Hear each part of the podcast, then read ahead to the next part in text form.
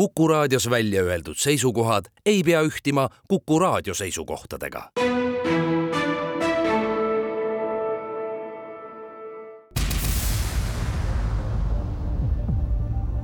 käsi pulsil, pulsil, pulsil, pulsil. tere, kell on seitse minutit üle üheteistkümne, algab saade Käsi pulsis, stuudios on Martin Ehala ja Kalle Muuli tere, alustame kõige tähtsamast teemast. esmaspäeval algab õpetajate streik ja valitsus ei ole leidnud raha, et seda ära jätta. teiseks räägime Kaitseväe juhi äh, Martin Heremi noh, võiks ütelda natukene ootamatust lahkumisest ja, ja peaminister Kaja Kallase äh, natuke ootamatustest avaldustest äh, ajalehes Times, kus ta siis teatas, et Venemaa võib Eesti luureandmetel koguda ennast juba kolme-viie aasta jooksul peale Ukraina sõja lõppu ja peab kõige nõrgemaks kohaks Balti riike, mida siis rünnata. ja seejärel äh, räägime Europarlamendi valimistest, mis on juunis ja selle eel on Euroopas tehtud üks üsna mitme riigi ülene arvamusküsitlused, millised äh, teemad siis valijad äh, enne Euroopa Parlamendi valimisi kõnetavad. ja viimase teemana äh, räägime ühe ajalehe lõpust, Eesti Päevaleht siis teatas, et lõpetab paberlehena ilmumise aprillis ja, ja kolib ära veebi, nii palju kui aru saada oli, siis koos Delfiga või, või siis Delfi ühe osana käsi pulsil, pulsil, pulsil, pulsil.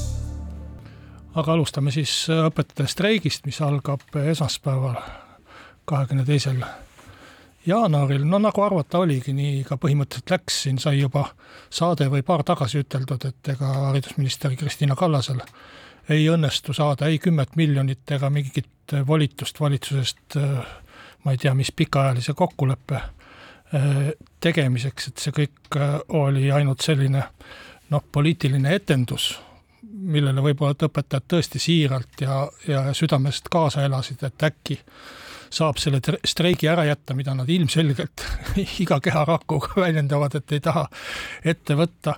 aga, aga minu meelest oli see juba ammu läinud rong et Kristiina Kallas äh, esitleb ennast praegu küll märtrina, keda justkui valitsusest kiusatakse.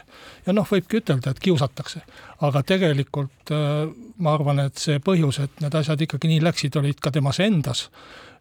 Tema enda poliitilises kogenematus, ta tegi minu meelest päris suuri poliitilisi vigu ja hakata pärast riigieelarve strateegia kokkuleppimist ja riigieelarve kokkuleppimist ja riigieelarve vastuvõtmist rääkima, et andke mulle veel lisaraha, no selle peale kehitatakse Reformierakonna poolt, ma võin kihla vedada, üheksakümne üheksal juhul sajast õlgu ja öeldakse, et aga kus sa siis olid, kui me kõik kokku leppisime? ja e, e, sa räägid, et e, ilus näitemäng ja, ja tõesti, kui see oli näitemäng, siis nad mängisid hästi, et üleeile oli esimene stuudio, kus Kristina Kallas oli ka ja ta et tema jutt kõlas seal niimoodi, et tõesti ta võiks barrikaadidele minna ja, ja streigi juhiks hakata, tal olid äh, õpetajate argumendid kõik väga hästi selged ja, ja ta ründas, nagu saatejuhid ütlesid ka, et, et valitsuserakonnad ise teevad äh, äh, paremat kriitikat valitsuse aadressil kui opositsioon seal stuudios. aga kui sa nüüd ütled seda, et et Kristina Kallas on nagu teinud vigu ja ta oleks pidanud nagu hulga varem rääkima nendest rahadest ja kuulge, nendest rahadest räägiti ju enne valimisi, seda rääkisid kõik valitsuserakonnad, seda rääkisid peaaegu kõik vist ka opositsioonierakonnad, see õpetajate palgatõusu ja, ja töötingimuste läbivaatamine sai koalitsioonilepingusse sisse. oot, oot, oot, oot, pea kinni no,, peaaugu no., vaata, mis sinna koalitsioonilepingusse sisse sai. Ma ütlen, et minu koduerakond on Reformierakonnaga koos nii palju valitsuses olnud. No, meie sellist koalitsioonilepingut ei oleks teinud kui sa Reformierakonnaga koos oled valitsuses, siis oma tähtsad lubadused pead sa punkt-punktilt, sõna-sõnalt ja koma täpsusega sinna kirja panema. vastasel korral tuleb Kaja Kallas ja ütleb sulle pool aastat hiljem, aga me ju leppisime kokku, et kahe tuhande kahekümne seitsmendaks aastaks tõstame. Ja ongi koalitsioonileppes nii kirjas.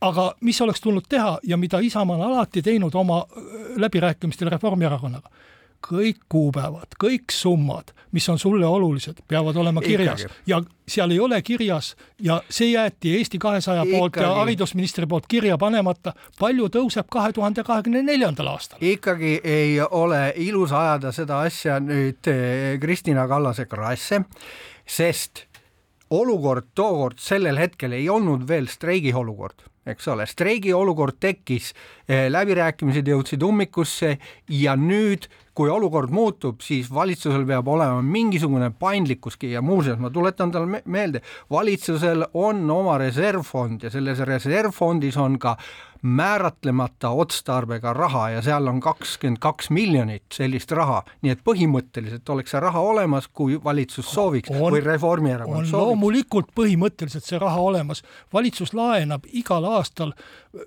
üle miljardi, poolteist miljardit, kaks miljardit, kui sinna kümme miljonit otsa panna, see on null koma millegiga protsenti. ja see- kümme miljonit ei muuda mitte midagi äh, Eesti riigi majapidamises. aga me, see on üks asi, et on võimalus panna, aga Nii. teine asi, kas tahetakse panna, kui ja teine koht, kus oli võimalus rääkida ja Kristiina Kallasel oli seal juba väga vaja rääkida, oli Vihula. septembrikuus, kui arutati riigieelarvet ja, ja riigieelarve strateegiat, mis, mis seal tehti, seal Kristiina Kallas tuli seal uksest välja pärast läbirääkimisi ja tal oli taskus ühe koma seitsme protsendine õpetajate palgatõus, üks koma seitse protsenti, ta leppis sellega. Ta, terve Eesti kahesaja delegatsioon oleks pidanud seal laua taga istuma nii kaua, kui oleks saanud nagu mõistlikku palgatõusu õpetajatel, aga nad tulid sealt ära ja leppisid sellega. Ja see oli poliitiline viga. ma ei räägi, et seda raha ei oleks olnud, tol hetkel oli ka see raha olemas, kogu aeg oleks olnud, aga see käibki valitsuses niiviisi ja nüüd ma saan täiesti aru, et sihilikult mõnitatakse äh, nii haridusministrit, õpetajaid, kõiki sellepärast, et Kristiina Kallas tegi ükskord poliitilise vea. Ilmselt eh, kogene- ko, kogenematusest Okei. okay. ma arvan aga sellegipoolest ei, ei ole nagu põhjust viia selle diskussiooni fookust sinna, kuidas koalitsioonipartnerid ei suutnud läbi rääkida Reformierakonnaga, kes teeb, mis tahab. on ju selge, et Reformierakonna prioriteedid on on, on teistsugused, räägitakse küll, et Reformierakond on julgeoleku eest, me aitame Ukrainat, aga tegelikult ju on Reformierakonna esimene prioriteet on hoopis eh, pankade kasumid, eks ole.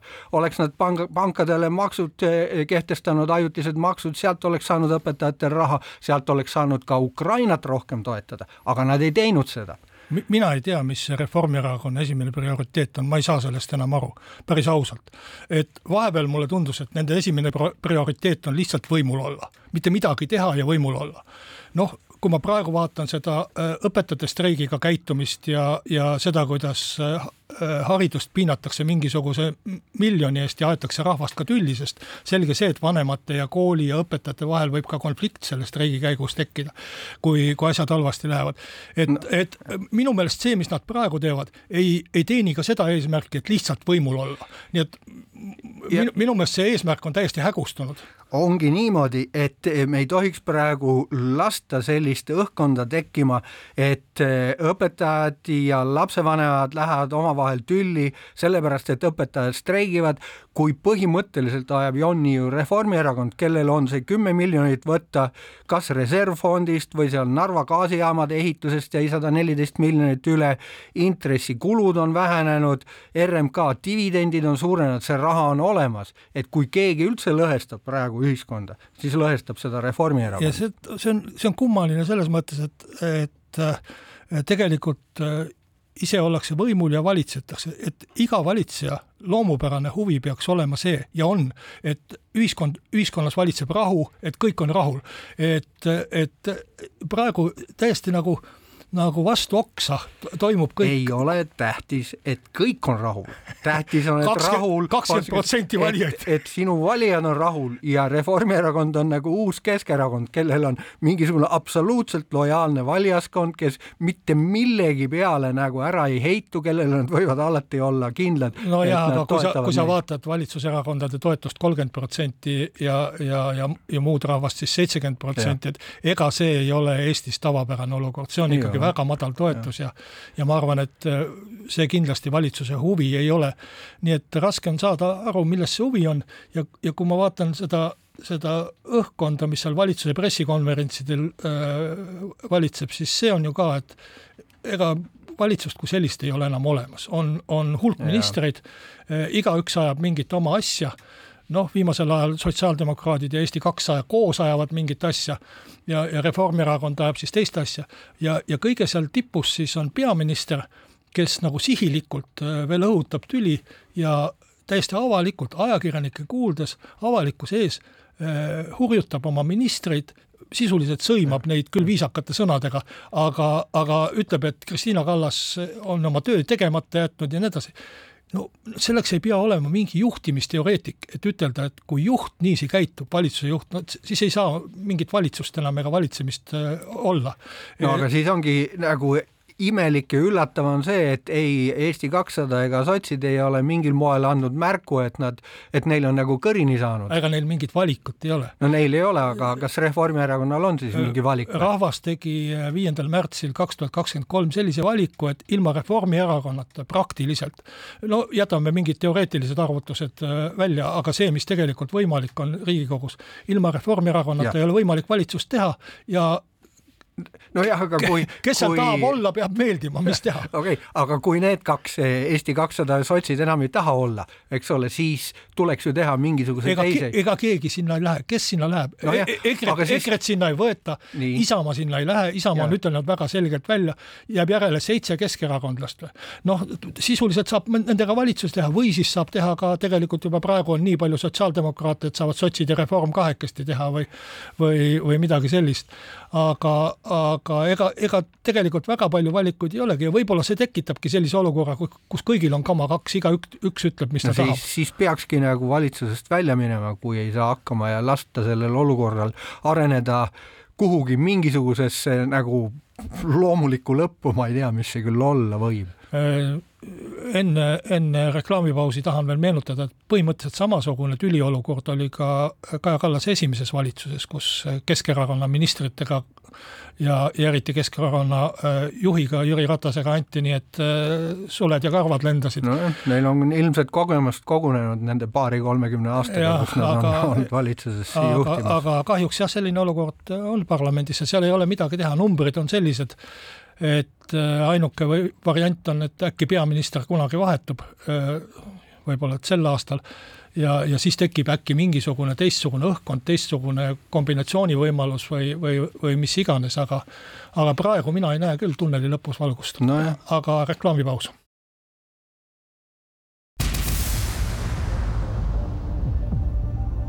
käsi pulsil, pulsil, pulsil, pulsil võtame uue teema, saates on Kalle Muuli ja Martin Ehala. Ja see teema on kaitsepoliitika, mis alased diskussioonid sellel nädalal on aktiveerunud. Ja põhjuseks on, kaks põhjust on seal, esiteks Kaja Kallas on andnud Timesile intervjuu, kus ta on siis öelnud, et Venemaa ohustab NATO piire kuskil kolme aasta pärast või aasta jooksul ja see põhineb Eesti välisluure raportil, mis on siis olnud tugevalt nagu Äh, pingelisem või kriitilisem võrreldes teiste sarnaste raportitega ja et Baltimaad on NATO-s kõige haavatavamad, mis, mis tõenäoliselt ongi nii. Ja et pikas perspektiivis oleks meil vaja külma sõja lähenemist Venemaale ehk siis samasugust vastuseisu. ja teine eh, oluline uudis eh, selles valdkonnas on see, et eh, Kaitseväe juhataja Martin Herem teatas, et ta astub tagasi suvel kusjuures tema lahkumistähtaeg on siis aasta lõpul, eks ju, ametiaeg, nii et noh, mõnevõrra selline ootamatu käik. ja ega me selle käigu selliseid päris põhjuseid või kaalutlusi ei teagi, aga noh, arvata, et seal taga võiks olla mingisugune suur skandaal või, või mingisugune tohutu äpardus või mingi selline asi, ma arvan, et et siis oleks see lahkumine teistmoodi välja näinud, et praegu tundub siiski, et see on Heremi enda enda initsiatiiv ja, ja ma ei seostaks teda ka nende kuulsate Europarlamendi valimistega, mis meil nüüd tulemas on, et ta kuskile kandideerima hakkab, aga väga võimalik, et mingisugune teine töökoht või, või, või teine asi või või siis äh, on seotud äh, ametijärglasega mingisugused äh, sellised tähtajad nojah. ma, ma siin mingisuguseid selliseid suuri vandenõuteooriaid e-, e-, esiotsa küll siin konstrueerima ei hakkaks. et ma ise mõtlesin alguses samamoodi nagu sa mõtled, eile ma vaatasin õhtuseid Aktuaalse Kaamera uudiseid ja ta andis seal niisuguse lühikese intervjuu. ja võrreldes sellega, mismoodi eh, Herem tavaliselt räägib, eks ole, tema rääkimisviis, tema metafoorid, selline otsekohene talumehelik või noh, nagu tõesti nagu rusikas laual stiil, selline väga enesekindel, väga selline eh, fokusseeritud, et selles intervjuus ta oli kuidagi nagu habras ta, ta nagu mõjus hapralt ja siis ma mõtlesin, et kui ma ise oleks teinud otsuse, et nüüd on õige aeg lahkuda, et see on nagu taktikaliselt õige ja, ja ma teen seda millegi hea äh, nagu tõttu, et siis ma kõlaksin võib-olla äh, teistmoodi. nii et see tekitas minu hinges väikese kahtluse, et et äkitselt ta ikkagi päris ise ei tahtnud minna, aga see on nagu sisetunne. ma olen ole. sinuga nõus, et ja, ja noh, mingi, mingi samalaadne mulje võis ka mul jääda sellest ühest intervjuust, aga ma arvan, et ühest intervjuust, mis oli antud äh, ei saa nii selliseid kremloloogilisi järeldusi teha, kus sa loed peaaegu et nagu ma ei tea, kulmukergitusest mingisuguseid tohutuid teooriaid välja. et äh, mine tea, võib-olla inimesel oli halb päev lihtsalt ja, ja, ja mõtted kuskil mujal. aga, aga see selleks, et äh, palju võib-olla, et selline noh, suurema kõlaga on olnud äh, peaminister Kaja Kallase intervjuu, kus ta siis noh, sisuliselt kujutab Balti riike või, või Eestit järgmise Venemaa ohvrina ette. et see on selline väga vaieldav taktika, et no. ühest küljest kindlasti oleks vaja ju mobiliseerida maailma avalikkust, NATO riike, keda iganes, see noh, sellise sõjamajanduse ajale ja, ja, ja valmistuma sõjaks ja ma arvan, et see, ütleme, see oht kind- ja ohutaju kindlasti on põhjendatud, et näha on, et maailm liigub sõja poole, Euroopa liigub sõja poole ja, ja ja oleks ka väga, väga imelik, kui kui me hakkaks rääkima, et midagi ei ole, et rahutuvid lendavad ja kõik läheb hästi, aga, aga teisest küljest noh, tekib ikkagi küsimus, et kas peaminister peab oma riiki kujutama järgmise ohvrina ja, ja kas seda on vaja teha avalikkuses, võib-olla et võiks seda piirduda NATO koridoridega, kus tegelikult ikkagi mürske ja sõdureid jaotatakse. ja see võib-olla läheb natuke järgmisesse teemasse, aga ma arvan, et eriti Vana-Euroopa riikides, Lääne-Euroopas, on sõda tähtsuselt alles kuskil võib-olla mingi kolmandajärguline probleem, nii et selles os-, selles mõttes teha seal ka avalikkuses selliseid äh, ülesastumisi, mis näitavad reaalset ohtu või, või teadvustavad seda ohtu. nõus küll, aga kas me peaksime jah. ütlema, et see oht on Balti riikidele? Aga kuule, millised, aga, aga kes, kellele siis veel no,, kui, kui sa mõtled meil, geopoliitiliselt? meil on siin geopoliitiliselt olemas Soome, meil on olemas Poola, meil on terve Ida-Euroopa olemas ja, ja, ja tead, milles on vahe? Eesti ja Soome vahe. Eesti-Soome vahe on see, et Soome legitiimsus on palju-palju tugevam kui Balti riikidel, eks ole. seal on see vahe, see ei ole mitte küsimus, kuivõrd kaitstav on Soome või kuivõrd kaitsvad on meie riigid, aga see, et nagu maailma avalikkus näeb Balti riike pigem rohkem Venemaa mõjusfääris olevana kui Soomet, ma arvan, et see on fakt. no seda enam ei peaks nagu rääkima, et me oleme järgmised Vene rünnaku ohvrid, selles mõttes, et noh, kui me, kui me nagunii oleme sinu, sinu sõnastuse järgi maailma silmis juba osa Venemaast või, või, või seal lähedal. just nii on, aga siis tulebki rääkida, et, et kui meil on põhimõtted, kui me oleme NATO-s ja kui NATO äh, järgima oma põhimõtteid, siis on vaja jalad kõhu alt välja tuua. no mis, mis selles halba on tegelikult, on see, eh, võib-olla mõne hea asja kõrval, on see, et tegelikult ta ikkagi peletab inimesi Eestist eemale. Eh, investoreid, raha, majandust. võib küll ütelda ju, et see, et meil välisinvesteeringud on noh, praktiliselt ära kadunud alates Ukraina sõjast, seal on ka muid põhjuseid, on see põhjus, et enam ei ole võimalik kaubelda Venemaaga, siit ei saa edasi Venemaale minna, on see põhjus, et äh, Rootsi ja Soome majandus on endaga ise hädas ja, ja sealsed investorid väga palju Eesti peale ei mõtle. Neid põhjuseid on palju, aga üks põhjus on kindlasti ka see paljude teiste seas, et Eesti on siiski selline kriisipiirkond, ohupiirkond ja need, kes Venemaal kõrvetada said ja, ja nähti, kuidas nad kõrvetada okay. said, äh, kardavad seda rünnakut.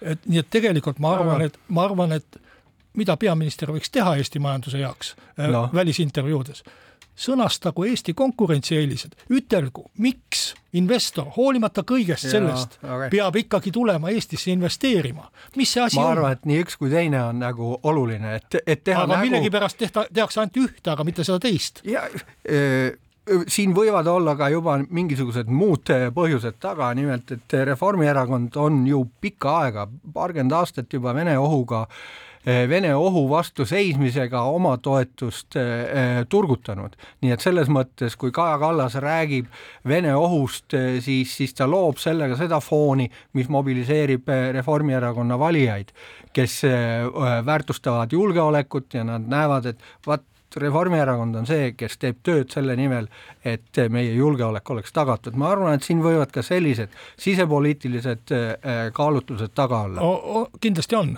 aga, aga ajada neid äh, välismaal ja, ja suurte välislehtede kaudu natukene võib-olla on liialdatud. ma arvan, et äh, sisepoliitiliselt ja siseriiklikult me kindlasti peaksime täie auruga praegu sõjaks valmistuma peaksime arendama oma sõjatööstust, oma, oma kaitsevõimet ühest küljest, aga teiseks ka elanikkonnakaitse varjendid ja asjad.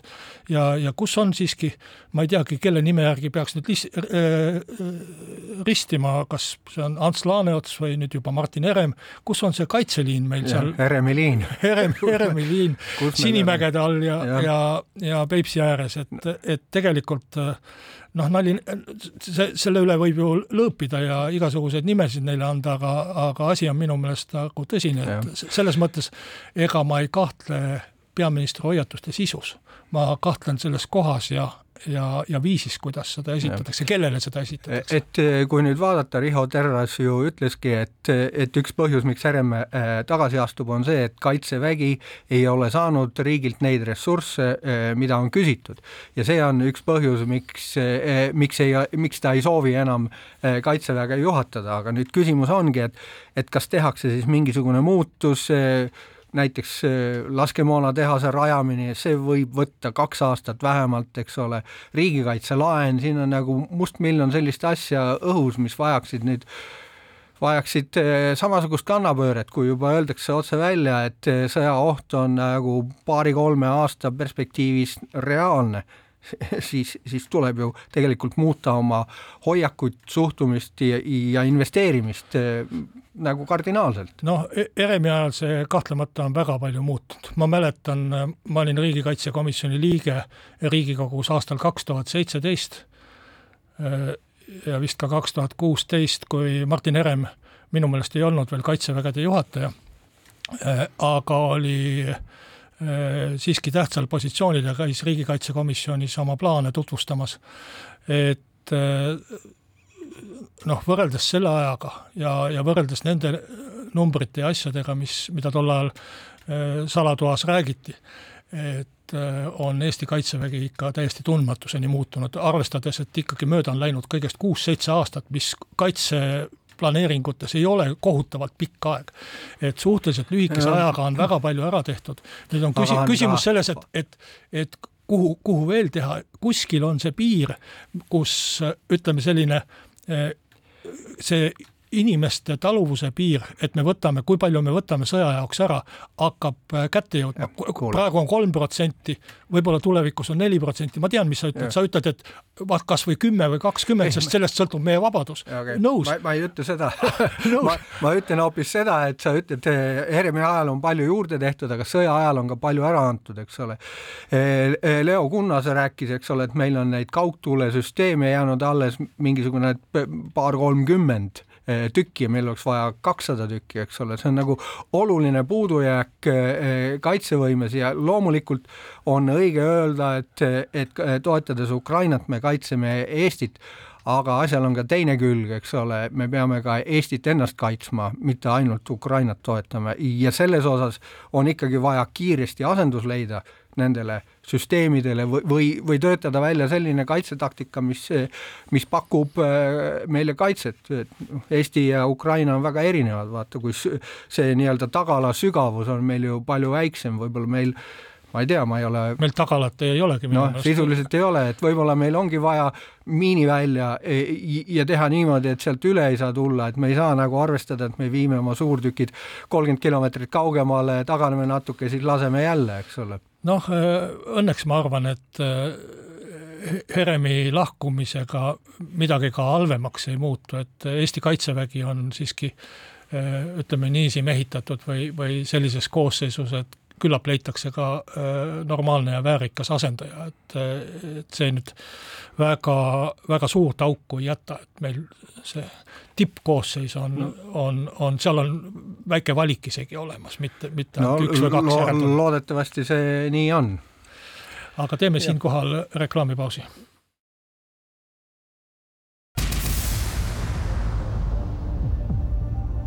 käsi pulsil, pulsil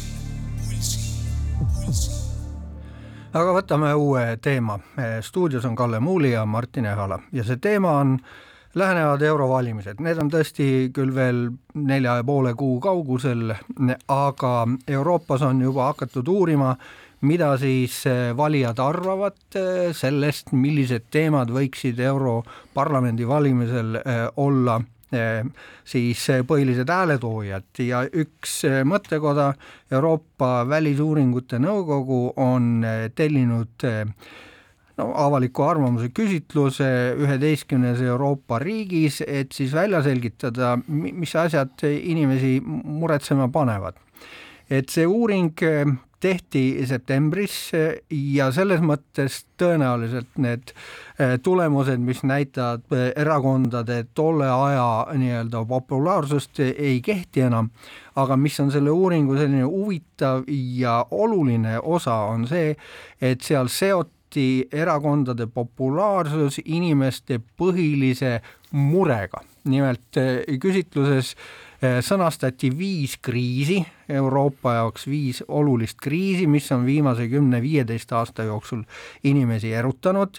Eh, ja need on, ma loen siin ette ka, eks ole, kliimamuutused, eh, siis immigratsioon, koroonapandeemia, Venemaa agressioon Ukrainas ja ülemaailmne majanduskaos või selline rahutus, et need, need viis teemat ja küsiti siis inimeste käest, et milline nendest teemadest on kõige rohkem tema nägemust oma tulevikule mõjutanud, ehk siis kuidas ta vaatab oma tulevikku ja siis küsiti ka, et millist erakonda ta äh, toetab, nii et seda tehti üheteistkümnes riigis, Eestis tehti ka ja Eesti andmed on, on muidugi huvitavad meile see, sellest aspektist. jah, äh, äh, nende nende Eesti andmete puhul vähemalt, aga ma arvan, et kogu Euroopa puhul on ju üks huvitav küsimus hoopis see, et kas kas erakondlikkusel on nendel valimistel üldse nii suurt tähtsust, nagu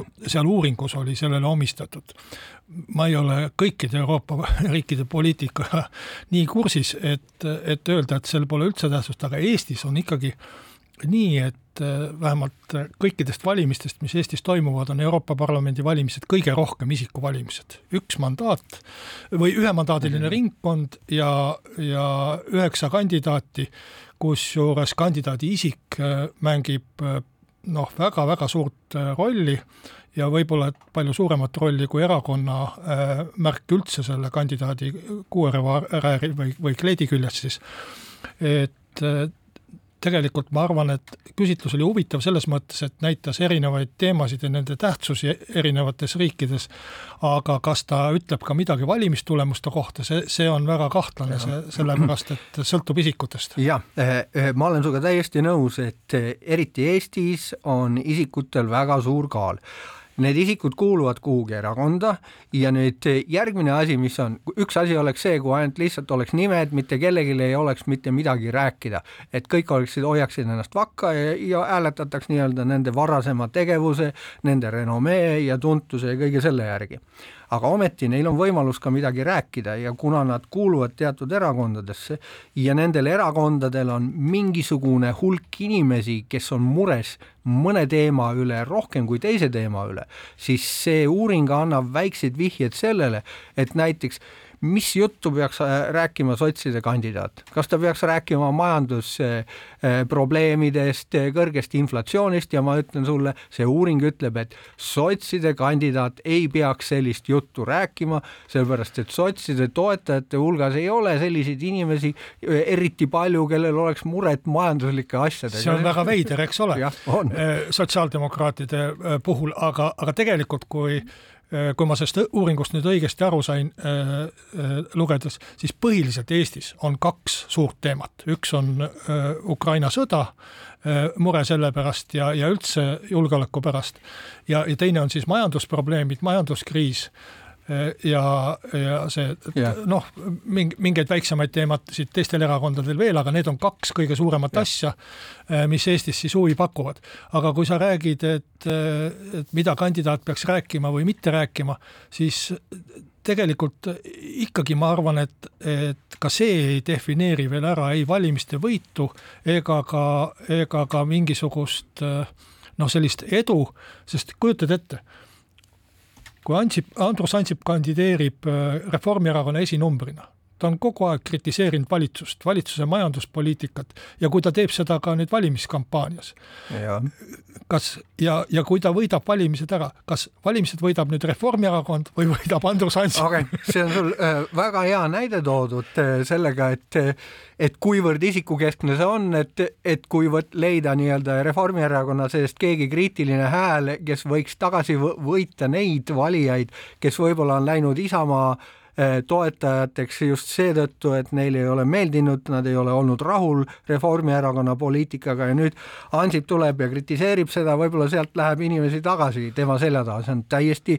võimalik, aga nüüd, kui eh, sa mainisid selle uuringu põhjal, et Eestis on jah, kaks nagu olulist teemat, sõda on absoluutselt kõige eh, erutavam teema Eesti valija jaoks ja, ja majanduskaos on teisel kohal, ehk siis Eh, Eestis on nelikümmend protsenti inimesi, eh, kes peavad sõda kõige olulisemaks ja kakskümmend üheksa protsenti peavad majandusküsimusi, aga tegelikult Euroopas eh, kokku, eriti Lääne-Euroopas, on hoopis teised teemad, immigratsioon on üks äh, oluline inimesi mobiliseeriv teema ja teine on kliimamuutus, nii et see on, võib-olla tundub meile kummaline, aga, aga Lääne-Euroopa inimestele on sõda alles kolmandajärguline probleem, rohkem Ukraina probleem kui Euroopa probleem ja no, see on meie probleem. eks immigratsioon ole Eestis ka ju teema olnud, aga, aga see sõltub ikkagi hetkest, et kaks, kaks tuhat viisteist ja kaks tuhat kuusteist oleks Eestis immigratsioon kindlasti väga ja. suur teema olnud, ehkki tol ajal ju meile väga palju neid ei inimesi ei tulnud. noh, valitsus leppis tol ajal vist kokku viiesaja äh, jah no,, immigrandi on... ümberasustamisest. viiskümmend tuhat tuli Ukrainast, eks ole, ja vaata, kui palju erinev suhtumine. kellest ja. tegelikult asustati vist ümber umbes kakssada ja need, nendestki pooled läksid kohe kiiresti ja. minema, sest neile ei meeldinud siin.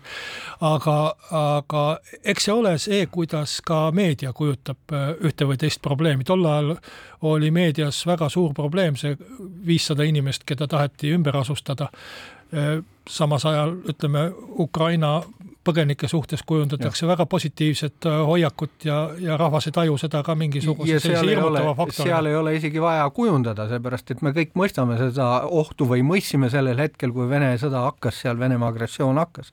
et ukrainlasi on vaja aidata e, ja aga see muidugi iseenesest ei tähenda seda, et kõik need inimesed, kes Ukrainast meile tulevad, oleks Ukraina patrioodid, nii et tegelik olukord on palju keerulisem ja seetõttu ma arvan, arvan, et Eestis tuleks immigratsioonist rohkem rääkida. ja üldise, ühise Euroopa immigratsioonipoliitika osas on, on samuti vaja kaasa rääkida, sest hea küll, me kujundame ette, kujundame välja ühise välispiiri kontrolli, aga tegelikult aeg on nii kaugele läinud, et meil on vaja taastada ka sisepiiridel kontroll, et omada ülevaadet, kes tuleb, kes läheb, et need, kes on illegaalselt üle, üle piiride tulnud ükspuha kus Euroopast ei saaks vabalt võrgustuda, eks ole. see on nagu oluline asi, Schengen loodi siis, kui maailm oli täiesti ohutu, tundus nagu eh, maailmal, eh, maailma ajalugu on lõppenud, see oli see aeg, kui see Fukuyama kirjutas eh, ajaloo lõpust, siis tehti Schengen. Aga praegu on, on ajalugu kärinal käima läinud ja inimesed käivad ühest kohast teise, nüüd on kontroll taastada vaja. tulles veel kord eh, Eesti valimiste juurde tagasi, mis on siis nelja ja poole kuu pärast, nagu sa ütlesid, eh, et eh, need kaks teemat, Ukraina sõda ja, ja majandus, ma arvan, et vastu ootusi kerkib, ehkki küsitluse järgi kõige suurem teema on Ukraina, aga, aga see küsitlus on ka natuke vana ja, ja, ja muutunud, ma arvan, et, et meil siiski see majandus läheb põhiteemaks. E, olgu, olgu peale, et on kindlasti mõned kandidaadid, kui ma ette kujutan, kes kandideerivad, noh, Marina Kaljurand, kes on välispoliitika peal ja kes kindlasti e, ehitab e, oma kampaaniat üles, Urmas Paet, kes on endine välisminister ja, ja nii edasi. et seal on, seal on selle teema eestkõnelejaid kindlasti palju, aga ma arvan, et siiski see rahva põhihuvi on äh, siin kohapeal ja, ja majanduslik, eriti kui vaadata, et need majandusprognoosid on muutunud palju kehvemaks võrreldes selle ajaga, kui küsitlus tehti. ja, ja ka noh, midagi head ei ole nagu majandust oodata peale maksutõusud. ja, ja siin ongi huvitav vaadata, et kuidas need kolm teemat, eks ole, sõda eh,, eh, majandus ja võib-olla siis see kliima, et kuidas need nagu kolme erakonna, Reformierakonna, EKRE ja Isamaa äh, nagu toetajaskonnas äh, liiguvad. et Reformierakonna see kõige suurem probleem, sõda on Reformierakonna valijate selline hirm äh, EKRE valijate äh, mure on majanduslangus ja Isamaal on nii üks kui teine, aga mõlemas osas on põhikõneleja Eh, teine, eks ole, reform eh, sõjaga ja majandusega EKRE ja vot nüüd Isamaa nagu positsioon hakkab sõltuma sellest, kui palju nad suudavad eristuda nende kahe eh, vahel, nende kahe teemaga. ära muretse, Martin, Isamaa on mõlemas teemas väga tugev, teeme siinkohal reklaamipausi.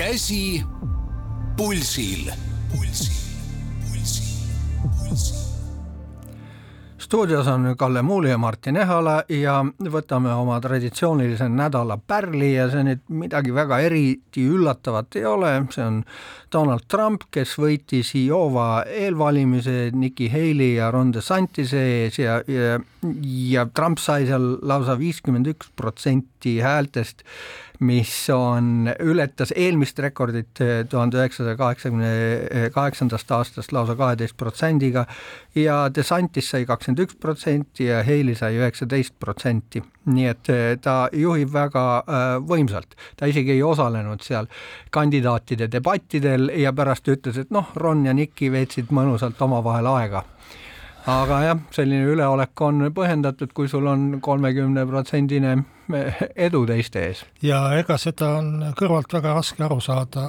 miks, miks selline edu on, eh, noh, kui, kui veel võtta selline vanusekriteerium ka mängu, et maailma kõige võimsamal, sõjaliselt kõige võimsamal ja majanduslikult kõige võimsamal eh, riigil on on kõige, kõige sellised populaarsemad, kõige tähtsamad, kõige mõjukamad poliitikud on siis kaks rauka.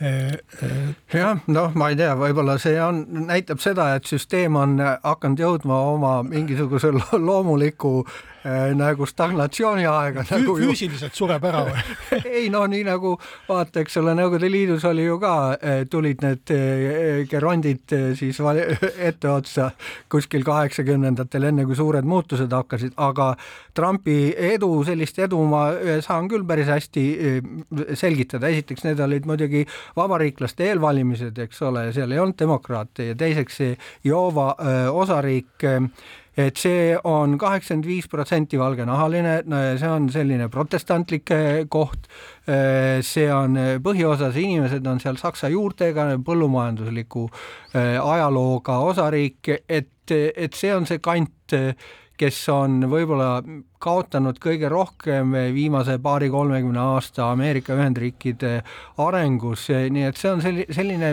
piirkond, kus on loomulik, et tahetakse eh, luua Ameerika suureks tagasi, nagu Trump on seda lubanud. no piirkond piirkonnaks tõesti, võib-olla et mõnes piirkonnas ja, ja küllap on selliseid piirkondi, kus Trumpi edu on väiksem aga äh, ikkagi ka üleriigiliselt vaadates, ega tal vabariiklaste seas konkurenti ju tegelikult ei ole. ei ole. et, et noh, ma arvan, et nahavärvi ja, ja mingite selliste piirkondadega ainult ei anna seda äh, põhjendada, et seal on iga nahavärviga piirkonnas on, on ta võtja, vabariiklaste seas muidugi.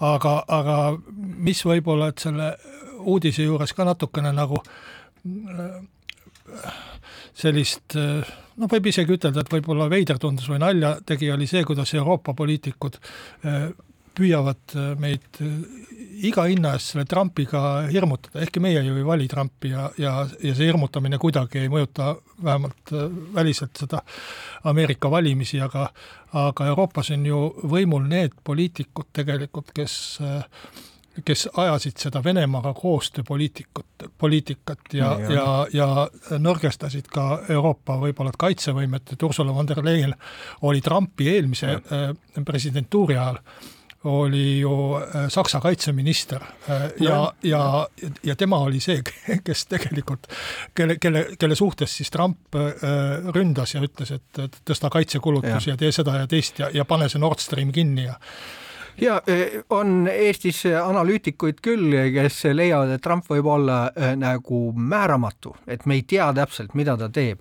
aga oma eelmise valitsemise ajal e, on, oli ta ikkagi väga toetav Balti riikide ja, ja Poola-Venemaa vastasele seisule, nii et selles mõttes võimalik, et Trumpist ei tule midagi halba. no kui me vaatame Bideni ettevaatlikkust ja tegelikult võimetust Ukraina suhtes, et siis ega hullemaks väga palju palju äh, ma loodan, ei saa minna ka, kui meil, kui Ameerikas oleks äh, teistsugune president, aga saate lõpetuseks ei saa ma jätta rääkimata Eesti Päevalehest, mille esimene toimet-, peatoimetaja mul on au olda, olla viiendal juunil tuhat üheksasada üheksakümmend viis, siis andsime esimese äh, lehe välja, mis alustas väga lootusrikkalt ja ühendades kolm varasemat väga eriilmelist lehte, nüüd on siis äh, Eesti Päevalehe omanikud otsustanud paberlehena selle lehe kinni panna äh, aprillist ja no võib tegelikult ütelda ikkagi, et see leht on, leht on kinni pandud, et äh, see, kui ta jätkab äh, kuskil portaalis või mingi teise portaali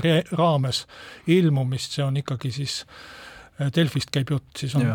Delfile teatud sellise kaalu või autoriteedi või mingisuguse toetuse andmine aga äh, Eesti Päevalehega on siis ühel pool ja ma julgen küll ütelda, et kindlasti see Eesti ajakirjandusmaastikku, mis on niigi ju üsna napp, et kindlasti ta äh, muudab seda vaesemaks.